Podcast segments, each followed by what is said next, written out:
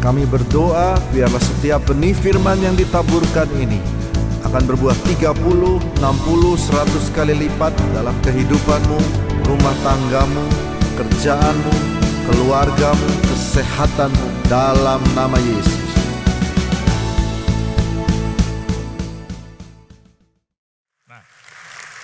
Kita buka Alkitab kita. Saya mendapatkan atau ini yang Tuhan taruh di hati saya. Coba Anda buka di dalam eh, kitab Mazmur pasalnya yang ketiga. Mazmur pasalnya yang ketiga. Ayatnya yang pertama. Mazmur pasalnya yang ketiga. Ayat yang pertama sampai dengan ayatnya yang ke sembilan. Kita baca bersama-sama. Saya tunggu 20 menit. Udah dapat semua. Satu, dua, dan tiga. Mazmur Daud ketika ia lari dari Absalom anaknya. Ya Tuhan betapa banyaknya lawanku, banyak orang yang bangkit menyerang aku, banyak orang yang berkata tentang aku, baginya tidak ada pertolongan daripada Allah. Tetapi engkau Tuhan adalah perisai yang melindungi aku, engkaulah kemuliaanku dan yang mengangkat kepalaku. Dengan nyaring aku berseru kepada Tuhan dan ia menjawab aku dari gunungnya yang kudus. Selah, aku membaringkan diri lalu tidur, aku bangun sebab Tuhan menopang aku. Aku tidak takut kepada puluhan ribu orang yang siap mengepung aku. Bangkitlah Tuhan, tolonglah aku ya Allahku, yang kau telah memukul rahang semua musuhku dan mematahkan gigi orang-orang fasik dari Tuhan datang pertolongan berkatmu atas umatmu. Ini cerita yang bukan tragedi, tetapi ini perikop kemenangan. Amin. Jangan kita selalu mengait-ngaitkan tentang masalah persoalan hidup kita dengan wah saya mendapatkan tragedi gitu. Atau dengan istilah sekulernya di dunia sana bilang Tuhan sedang mencobai aku. No. Saya selalu menganggap bahwa Tuhan tidak pernah mencobai saya. Tapi untuk menguji iya. Betul ya? kalau Anda uh, pernah sekolah, ya tentunya dapat sertifikat, Anda kan nggak pernah bilang, oh besok ada ada uh, ada uji, ada uh, apa pencobaan, nggak pernah. Kita bilang besok ada ujian, betul? Nggak ada satu orang pun bilang, oh besok gue dicobain, nggak tahu deh lulus atau enggak ujian, ya. Jadi dalam kehidupan uh, pribadi Kristen juga begitu, saudara, ya. Bahkan Hari ini kita bisa melihat awal daripada perikop ini dan ujung perikop ini seperti Anda melihat gereja di sini. Halo. Dari Tuhan datangnya pertolongan. Itu ayat yang ke-9 ya. Datang pertolongan kenapa? Karena awalnya ada persoalan di situ. Tapi jangan jadi orang Kristen yang mencari-cari masalah dan persoalan. Tuhan akan izinkan itu selama ujungnya adalah untuk kemuliaan Tuhan. Lihat gereja di sini. Kemarin saya ngobrol dengan seorang hamba Tuhan yang pasti Albert kenal baik ya. Dan saya bilang nanti saya hari Jumat saya ada di gereja. Oh iya Pak, dengan jemaat sekarang yang bertambah-tambah penuh. Terus saya bilang ikutin juga. Wah saya ikutin dia. Tapi ujungnya dia bilang, saya kenal Pak Albert baik orangnya. Saya tahu beliau. Saya tahu bertahun-tahun bagaimana dia berjalan dengan dengan dengan iman di tengah-tengah ketidakpastian. Saya mau katakan buat Anda begini, justru sebelum saya lupa ya. Kerjakanlah bagianmu yang terbaik. Yang masih bisa engkau kerjakan, Tuhan akan membiarkan itu semua. Sekali lagi, bagian Anda Anda harus kerjakan, dan kalau Anda tanya kepada Tuhan, di mana engkau Tuhan? Itu bagianmu. Halo, bagian Tuhan adalah ketika Anda dan saya tidak sanggup lagi mengerjakannya. So, Keajaiban datangnya begitu, mujizat datangnya begitu. Mujizat tidak datang kalau saya dan Anda masih bisa melakukannya. Ingat Lazarus? Dia berkata apa? Yesus bilang apa? Singkirkan batu itu. Itu bagian kita. Masa singkirkan batu suruh Tuhan juga? Emang dia tukang batu apa? Halo? Ya? Jadi dia bilang singkirkan batu itu. Dia nggak bilang begini, aku yang singkirkan, nanti kau yang bangkitkan ya Lazarus. Enggak. Yang masih kita bisa lakukan kan ada banyak orang waktu itu. Tinggal didorong. Betul? Ya. Walaupun Anda boleh katakan batu itu besar, tapi kalau beramai-ramai dan Yesus sudah tahu bahwa Anda bisa melakukannya. Orang-orang pada saat itu bisa melakukannya. Tapi membangkitkan orang yang sudah empat hari mati, waduh. Saya nggak bilang itu rada sulit, tapi sangat sulit. Saya punya teman dulu, sekarang udah meninggal ya. Saya suka bercanda dengan dia awal-awal uh, handphone itu di apa diproduksi. Jadi dulu kalau nggak salah masih AMPS ya. Jadi cuma aja hijau dan merah. Nah saya lihat ini hamba Tuhan selalu bawa itu handphone di kantongnya. Dia rasa bangga itu. Dan hebatnya dulu saya juga dapat handphonenya juga uh, dari Tuhan gitu. Jadi saya tes dia. Malam-malam saya telepon dia, diangkat. Halo, halo. Terus saya bilang, Bapak Pendeta titik-titik ya, jangan disebutlah namanya. Kekal, kode etik khotbah Alkitabiah. Saya bilang, Bapak Pendeta, saya menyamar jadi orang Batak. Bapak Pendeta, katakanlah dia Joni. Pak Pendeta Joni. Terus dia bilang, iya betul, betul. Ini dari mana ya? Saya Simanjuntak. Terus dia bilang, oh iya. Ada apa Pak Simanjuntak? Begini Pak. Saya minta Bapak Pendeta apa tuh istilah Kristen? Kalau orang sudah meninggal terus orang-orang datang lagi terus untuk uh, apa namanya bersama-sama dengan keluarga. Oh itu namanya malam penghiburan. Ya begitulah. Jadi saya minta Bapak yang datang ke situ. Oke, kapan Pak? Nanti malam lah. Oh, mendadak ya? Iyalah. Saya sudah dengar nama Bapak dari teman-teman. Oh, terima kasih Pak. Terus saya bilang, sekalian ya, tolong kalau boleh itu saudara saya itu bangkitkan. Hebatnya, ini teman saya yang sudah meninggal ini bilang begini, sudah berapa hari Pak meninggal? Saya jawab, Alkitabiah, sudah empat hari. Tahu nggak jawaban dia? Sudah busuk Pak. Kenapa nggak di hari pertama masih hangat-hangat? saya udah nggak tahan, saya tutup. Dan uh, besoknya kita ketemu rame-rame berlima hamba Tuhan. Terus saya ngomong menyinggung-nyinggung tentang kadang-kadang permintaan jemaat ini aneh-aneh. Dia ingat tuh. Oh iya tadi malam aku dapat telepon. Aku suruh bangkitkan mayat yang sudah empat hari. Terus saya bilang, terus mana bilang apa? Ya nggak bisa lah. Tapi saya nggak jawab secara eksplisit. Saya hanya bilang, sudah empat hari, busuk gitu. Oh, dari mana itu? Oh nggak selalu orang Batak itu si Mancunta. Tapi saya udah minta maaf sama dia. Untung sebelum dia mati saya minta maaf. Kalau nggak takutnya lagi saya lagi tidur dia panggil, hei Bapak Simanjunta kan. nah, jadi Yesus pada saat itu membangkitkan Lazarus yang notabene udah sulit.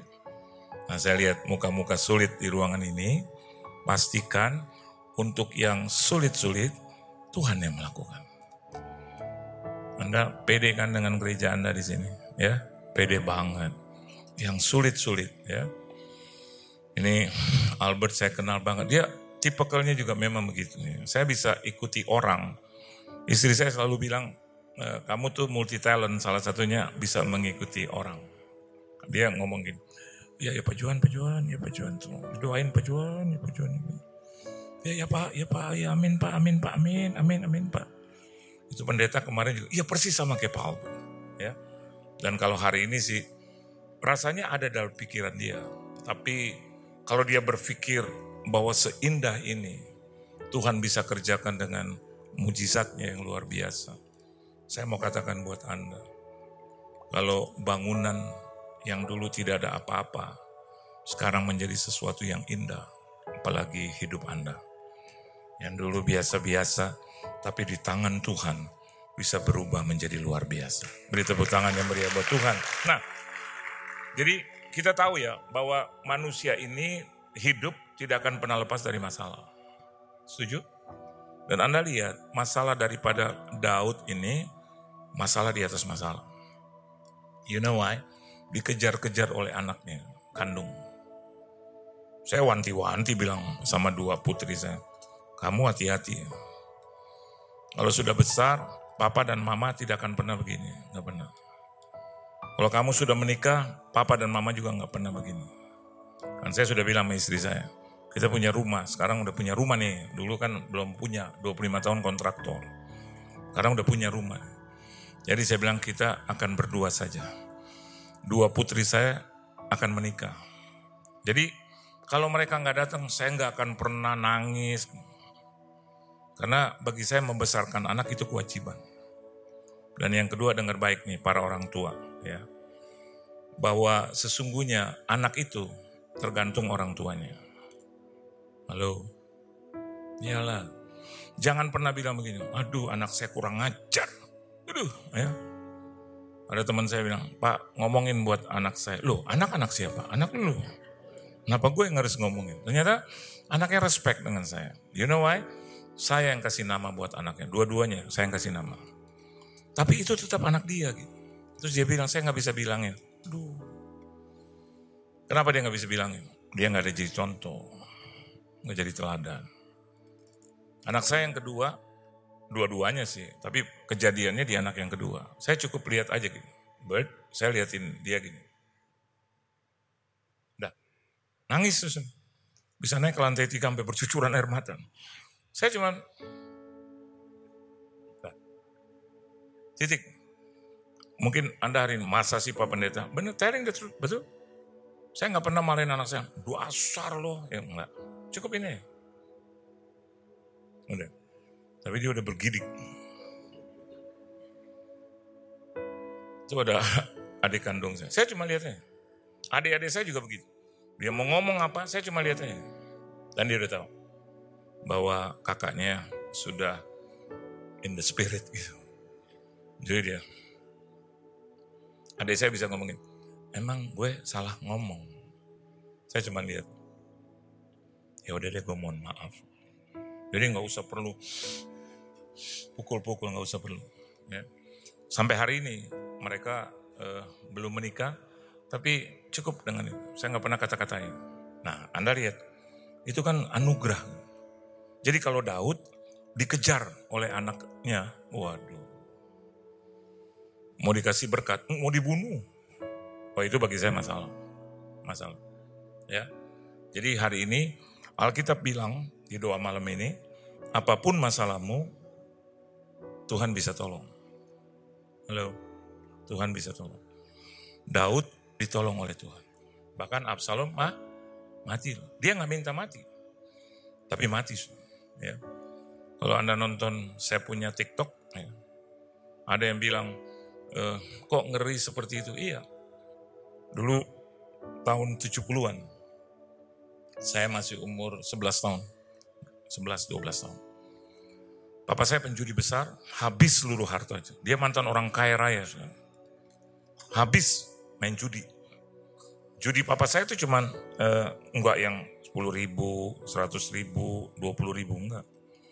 Dia datang dengan mobil, ya, dia habisin dulu dia punya uang, bersih, mobilnya dia gade di situ. Copacabana di Ancol. Dan kalau dia sudah jual mobilnya cuma satu kali. Papa kata dia jual katakanlah 100 juta. Nah, dia dorong aja 100 juta. Dia main besar kecil. Jadi hari ini eh, sekarang dia pegang kecil, terus besar, kecil terserah dia. Sampai 10 mobil 10 hari itu. Dan hari yang ke-11, 12 dia bawa sertifikat semua habis bersih.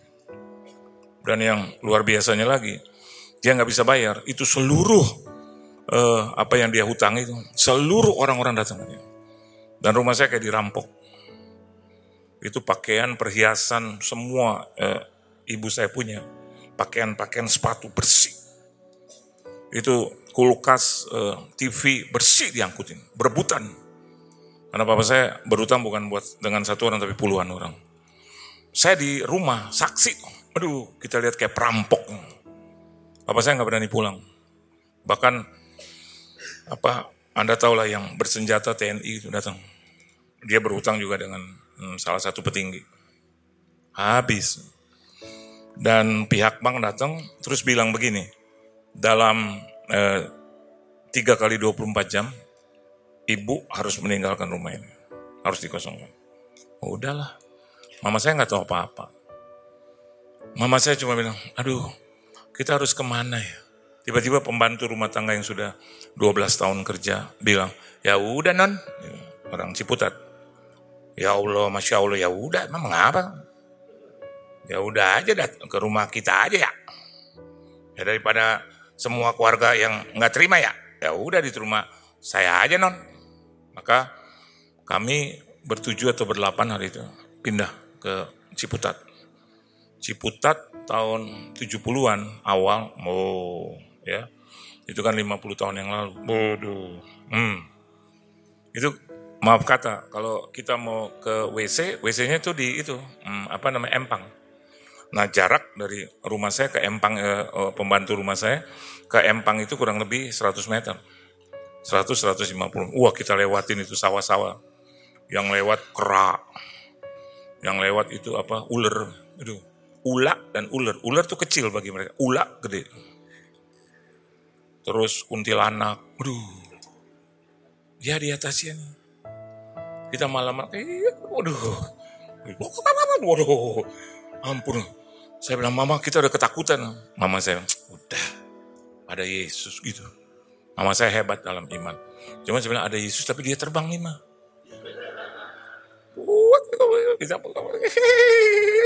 Waduh. Dan itu hampir tiap malam. Gelap. Lampu kita cuma lampu tempel. Udik dulu kita sebut udik. Dan papa saya nggak berani pulang juga. Karena mereka kejar sampai ke situ. Crazy ya. Dan akhirnya setelah tinggal di sana, opa saya dapat bantuan dari anak-anaknya. Anak-anaknya dulu tujuh, ya, yang hidup di negeri Belanda, kumpulin uang untuk upah saya. Papa saya nggak ikut ke Belanda karena sudah menikah dengan mama saya. Dikasih uang untuk kontrak rumah. Kontrak rumah di Johar Baru. Begitu sampai di sana kontrak udah dikejar lagi. Dapat aja tuh aneh tuh orang-orang. Dan diancam ibu saya. Siapa yang datang? Kepala keamanan setempat. Terus datang ke ibu saya. Rupanya mereka itu ya berteman. Yang tadi saya bilang, petinggi itu berteman dia hanya perintahkan aja, datang. Zaman itu, tahun 70-an. Dan malam-malam dia datang jam 7, dia tendang pintu. Dia gedor uh, rumah kontrakan kita yang dari bilik, masih bilik. Bawahnya tanah yang geradakan. Aduh, miskin banget. Dan hebatnya lagi nih, ya kurang ajarnya dah, hebat. Itu kunti ada juga di situ. Malam-malam kita tuh karena di sebelah kita tuh benar-benar kayak hutan. Aduh, tuh. Saya bilang, Ma kenapa ini ngikutin terus? Mama saya bilang, ini kunti yang beda. Karena ada pohon jengkol di situ ada. Ben, I'm telling you the truth. Ini pengalaman juga bagi saya. Saya dengar tiga kali. Aduh, dalam hati saya. Tapi hari ini sih benar kalau kita udah bersih ya, nggak berani ikutin. Oh dia tahu saya dan Anda adalah orang-orang yang hebat di dalam Tuhan. Selesai. Udah. Dan dia datang sekarang manusianya. Dan dia dengan wakilnya. Terus ibu saya bilang, ada apa ya pak? Begini ibu, mana suami ibu? Eh, suami saya nggak pulang, pulang saya nggak tahu ke mana. Begini ibu, ya. Nah ini lebih parah lagi, satu kali 24 jam. Kalau sampai suami ibu nggak pulang, maka ibu dan seluruh keluarga harus tinggalkan tempat ini. Mama saya bilang dong, kan kita kontrak pak. Mm -mm, kan? Bapak ini siapa? Saya kepala keamanan di sini. Harus menurut perintah saya. Karena ibu sudah mencemarkan seluruh keluarga warga di sini. Apa hubungannya? Ibu saya bilang gitu, kan saya nggak tahu apa-apa, saya nggak berdosa, saya nggak salah sama bapak. Perintah saya sebagai kepala keamanan, satu kali 24 jam. Dan besok harus kosong. Kalau tidak kosong, saya keluarkan dengan paksa seluruh barang-barang. Saya salah apa, Pak? Sudah, jangan banyak ngomong. Ibu saya, eh, dia keluar, dia gebrak meja, dia keluar. Seragam. Saya lihat, karena saya masih umur 11 tahun, kalau umur 20-an gitu, mungkin saya akan masuk ke, uh, ke keluar. Jadi saya umur 11 jadi saya diam. Keluarga saya nangis. Begitu selesai, ibu saya ajak semua keluarga untuk duduk di bawah kaki Tuhan. Dia ambil bantal-bantal di sini supaya enggak kan geradakan. Anak-anaknya dia bilang, siapa yang mau ikut doa? Ya udah kita ikut sebelah doa. Mama saya doa sederhana dalam bahasa Belanda. Saya enggak gitu ngerti. Father in the hemel, in the what your name Kita cuma bilang amin, amin. Begitu selesai dia nangis. Dan dia ngomong dalam bahasa Indonesia. Saya harus ke mana ya Tuhan? Saya nggak tahu harus pergi ke mana. Saya nggak tahu Pak suami saya dari mana. Tunjukkan jalan sama saya. Kalau memang harus pergi, biarkan kau berikan tempat tinggal buat saya dan anak-anak. Tapi kalau disuruh juga oleh engkau tidak pergi, kau bela dan lindungi. That's it. Dia nggak minta keburukan, dia nggak minta apa-apa. Nangis gitu. Jam 12 malam dibangunkan lagi sama dia. Tadi kan jam 10, jam 8, 9, jam 10. Dia bilang, eh bangun lagi yuk, minta sama Tuhan. Ya jam 12 malam sudah. Anak-anak masih umur 11, kakak saya 14 tahun, yang lain masih adik saya beda 2 tahun, 9, ada yang eh, 6 tahun. Jadi begitu diajak jam 12 malam, setengah satu, toto, puk, ada yang jatuh. Gitu saya lihat kakak saya, mengantuk. Kayak duren gitu. Tadi kan saya lihat banyak duren ya. Tadi kita mau rencana mau makan duren ya. Cuman kita lihat nggak ada parkiran ya kan. Ini paling demen duren. Udah jatuh. Terus saya lihat sama adik saya lihat-lihatan. Siapa mau jatuh duluan? Karena mama saya doanya lama. Ambil nangis. Lama dong. Puk, adik saya. Yang perempuan. Puk. Terus nggak lama saya lihat yang laki. Puk. Dan saya, I'm telling you the truth, saya satu-satu sebelah mama saya. Karena dia nangis, saya laki kan yang paling tua. Udah, kira-kira beberapa lama saya yang jatuh. Dan mama saya sampai setengah lima pagi. Jam empat, empat lewat seperempat. Karena menjelang setengah lima, itu pintu digedor. Mama saya pikir, waduh kenapa terlalu pagi ya usirnya. Jadi mama saya buka pintu, ternyata tetangga sebelah. Dan dia bilang, ibu, ibu, tante, tante, tante, tante tahu nggak tante, tante, apa tahu apa? Itu yang usir ibu kepala keamanan. Kenapa? Baru mendapatkan kecelakaan. Kepala dan badan pisah. Saya saksi itu. Mama saya nggak cerita buruk, mama saya nggak mohon apa-apa buat dia. Cuman bagi saya, ketika Tuhan turun tangan, udah selesai. Halo. Selesai. Saudara tahu jam 8 kita uh, apa namanya melayat. Dan kami tidak bisa lihat mayatnya, tapi orang-orang di sana bilang ada satu orang lihat dengan dengan kayu itu pakai apa namanya perban dipakai ikatan. Dan siang wakil kepala keamanan datang ke rumah saya. Dan dia bilang begini sama ibu saya, Tante, dia orang Kristen. Saya minta maaf. Dan saya sudah minta kepada pimpinan untuk dipindah. Sudah tante, selesai sampai di sini. Dia pikir mama saya minta kepada Tuhan untuk ini. No. Jadi dia begitu fair. Ya. Saya mohon pamit pindah. Dan tolong persoalannya udah sampai di sini. Nah, lihat ini. Daud dikejar-kejar. Tapi Daud adalah pilihan Tuhan. Dia tidak jahat dengan anak dia lari kenapa? Karena dia tahu itu anaknya. Lihat, orang-orang yang hadir di sini di doa malam. Bagian terakhir, Anda lihat di ayat 3. Di situ Alkitab bilang begini, baca sama-sama ayat 3. Eh, baginya tidak ada pertolongan dari Tuhan. Betul nggak? Kalau kita punya masalah besar kayaknya gini, aduh, betul. Gue nggak bisa bayar nih hutang. Penyakit ini nggak bisa sembuh. Dokter bilang udah, ya tetangga di sebelah itu kenapa dia pro mama saya? Karena beberapa minggu sebelumnya dia mau dioperasi. Dia punya uh, tumor di perut besar. Seperti uh, po, apa uh, buah kelapa. Dan dia bilang kepada mama saya untuk uh, apa namanya? doakan. Karena mungkin dia tahu begini, oh ini orang Ambon. Oh ini orang luar, uh, suku luar, Manado, Belanda. Siapa tahu. Padahal nggak seiman dengan kita. Dia minta tumpang tangan. Karena selama mama saya tinggal di situ, mama saya memperlihatkan satu kehidupan Kristus. Biar ada sedikit makanan dia selalu store ke sebelah. Kalau ada apa-apa dia kasih.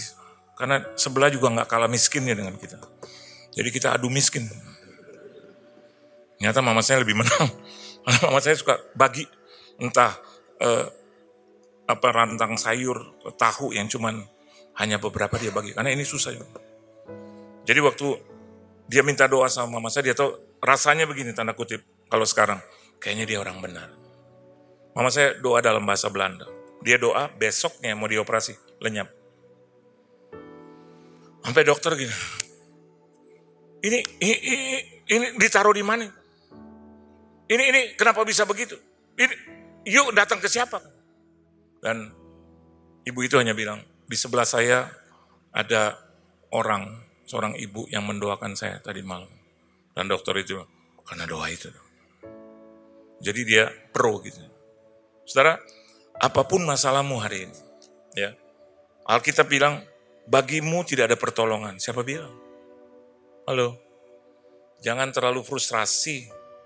Jangan terlalu beranggapan bahwa Tuhan tidak bisa berbuat apa-apa. Justru sebaliknya, pada saat engkau tidak bisa berbuat apa-apa, datang kepada Tuhan. Dan bagian terakhir saya tutup. Alkitab di ayat yang kelima katakan, dengan nyaring ia berseru kepada Tuhan. Kata nyaring di sini artinya sungguh-sungguh. Halo? Amin. Datang ibadah sungguh-sungguh. Amin. Hatinya sungguh-sungguh. Mama saya selalu bilang itu. Kalau kamu melayani Tuhan sungguh-sungguh. Kadang saya tahu nih, maaf ini maaf, seribu maaf, seribu seribu maaf, seribu maaf. Maafkan saya gitu. Saya tahu nih bahwa sekali lagi maafkan saya. Bahwa gereja ini bukan gereja ini maksudnya gereja yang akan mengundang saya gitu. Saya tahu bahwa mereka katakanlah gitu eh, persembahannya minim. Tapi bagi saya setelah melewati banyak apa namanya jam terbang, bagi saya justru satu keuntungan. Cuman saya nggak mau cerita sama gereja itu, ntar dia sengaja. Kan suka begitu dipakai. Kalau gitu Pak Johan sepanjang bulan lah di sini gitu, ya kan? Enggak, enggak, enggak, enggak. Pokoknya kalau dia jadwalin saya bilang sama istri saya, terima aja. Kadang-kadang istri saya, aduh dia lagi nih. Ya udah terima aja. Nah kita tahu nih, tapi justru di situ kekuatannya. Istri saya bilang, oke, okay, oke, okay, oke. Okay. Nah saudara tahu, benar. Tidak seperti yang kita harapkan. Tapi saksian saya tutup. Khotbah saya tutup. Kita baru saja melayani di satu tempat. Dia pedagang sotomi, Dulu saya kenal Sotomi. Betul nggak? Sotomi. Yang berapa? 20 ribu, 15 ribu. Sotomi, benar-benar Sotomi. Dia undang lagi sekarang. Bilang Pak Yohan, boleh nggak maaf undang Bapak? Hah? Dalam hati saya di warung Sotomi nih. Tapi memang Sotominya saya suka. Jadi saya bilang, oke okay, di mana? Ini Pak daerahnya. Oh, tapi saya udah nggak Sotomi. Oh, apa? Saya udah bergerak di bidang IT. Sotomi IT nggak masuk. Nggak masuk, betul nggak? Nggak masuk. Tapi lihat, punya hati gitu sungguh-sungguh. Ya, bukan saya sombong. Saya bilang istri saya, ini siapa sih? Oh ini yang Sotomi. Terus dia undang gue makan, bukan. Dia udah jadi uh, perusahaan IT, ditunjuk oleh United States dapat jadi perusahaan kalau untuk urusan itu dari Amerika dia. Dan bukan hanya Amerika tapi Prancis dan Austria. Sotomi berubah jadi Amerika, Prancis, Austria. Memang Sotomi dibuat Amerika. Orang kita yang buat, betul nggak? Tuhan tuh kalau angkat. Dan waktu saya datang, CEO-nya dia. BOD-nya tuh. Dia undang tuh Pak, empat orang. Oh, sekarang saya tanya, CEO-nya siapa? Owner. Aduh. Lihat ya. Dan karena kita pakai hati ya, ya. Begitu pulang dia langsung bilang kepada bendahara, mana gitu? Dan dia berkati saya. Dan berkatnya tiga kali lipat daripada gereja yang memberkati saya. Itu gereja udah tiga kali ibadah, plus kali tiga. Nah ini orang kasih. Saya cium, saya bilang, berkat sotomi. Amin, saudara. Jadi kalau Anda mau beribadah, sungguh-sungguh aja. Halo. Kalau Anda mau beri, nggak usah tergantung dari media apa sosial. Medsos, medsos.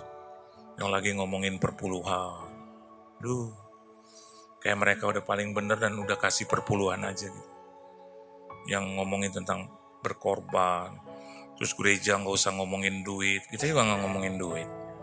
Tapi kalau kita ngomong supaya jemaat diberkati, kenapa enggak? Halo? Karena kalau itu adalah kuncinya, kenapa enggak? Untuk itu kita berhadapan dengan hal yang seperti itu. Kita dibilang pendeta yang mata duitan. Oh, kalau mata duitan, saya mau katakan 45 tahun pasti Tuhan nggak pakai saya. Satu. Yang kedua, pasti juga orang yang seperti ini tidak akan dipakai untuk jadi gembala sidang. Kan Tuhan gitu loh. Untuk dengan manusia aja manusia penuh perhitungan, apalagi untuk Tuhan dan pekerjaannya. Saya tutup firman Tuhan, sungguh-sungguh aja. Kalau Anda beri, Anda lakukan dan beri untuk Tuhan. Kalau Anda mau hidup kudus, Anda lakukan itu buat Tuhan. Kalau Anda hidup mau setia, taat, Anda lakukan itu buat Tuhan.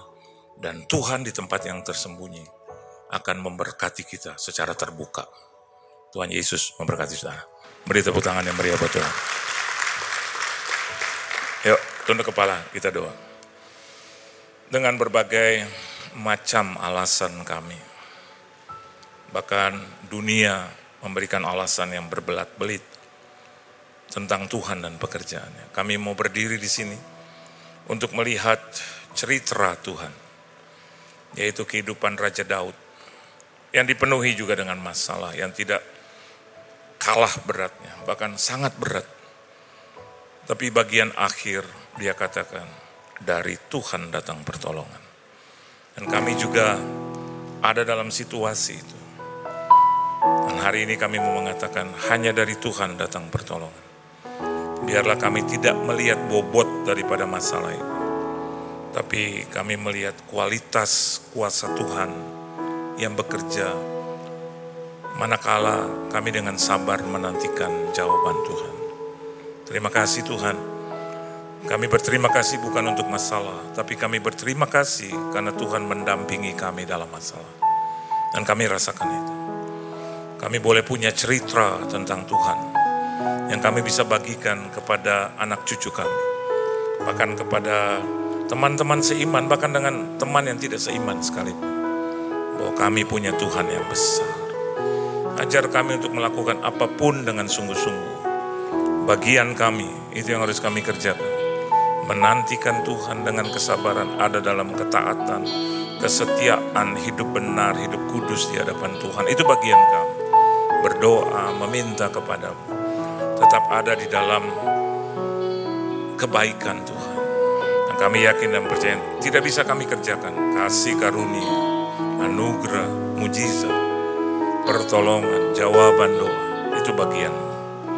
Terima kasih untuk jemaatmu yang hadir. Terima kasih untuk gerejamu yang indah di sini. Terima kasih untuk gembalamu, suami istri dan seluruh jemaatmu. Dan keluarga besar mereka, keluarga inti mereka berkati Tuhan. Kami yakin dan percaya engkau tidak pernah kehilangan akal untuk memberkati hamba-hambamu, anak-anakmu, pelayanmu, umatmu, kekasihmu, mempelaimu. Terpujilah namamu dari kekal sampai kekal sampai selama-lamanya. Di dalam nama Tuhan Yesus Kristus kami semua telah diberkati. Haleluya. Amin. Tuhan Yesus memberkati saudara.